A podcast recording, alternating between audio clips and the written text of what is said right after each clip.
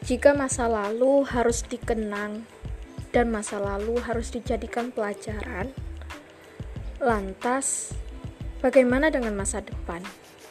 Apakah waktu kalian akan kalian habiskan dengan memikirkan masa lalu? Memang tidak ada salahnya jika kita menengok ke belakang, tapi untuk mengenangnya dan melambaikan tangan seraya senyum perpisahan Kau harus terus berjalan, maju ke depan untuk sampai ke masa depan dengan penuh impian.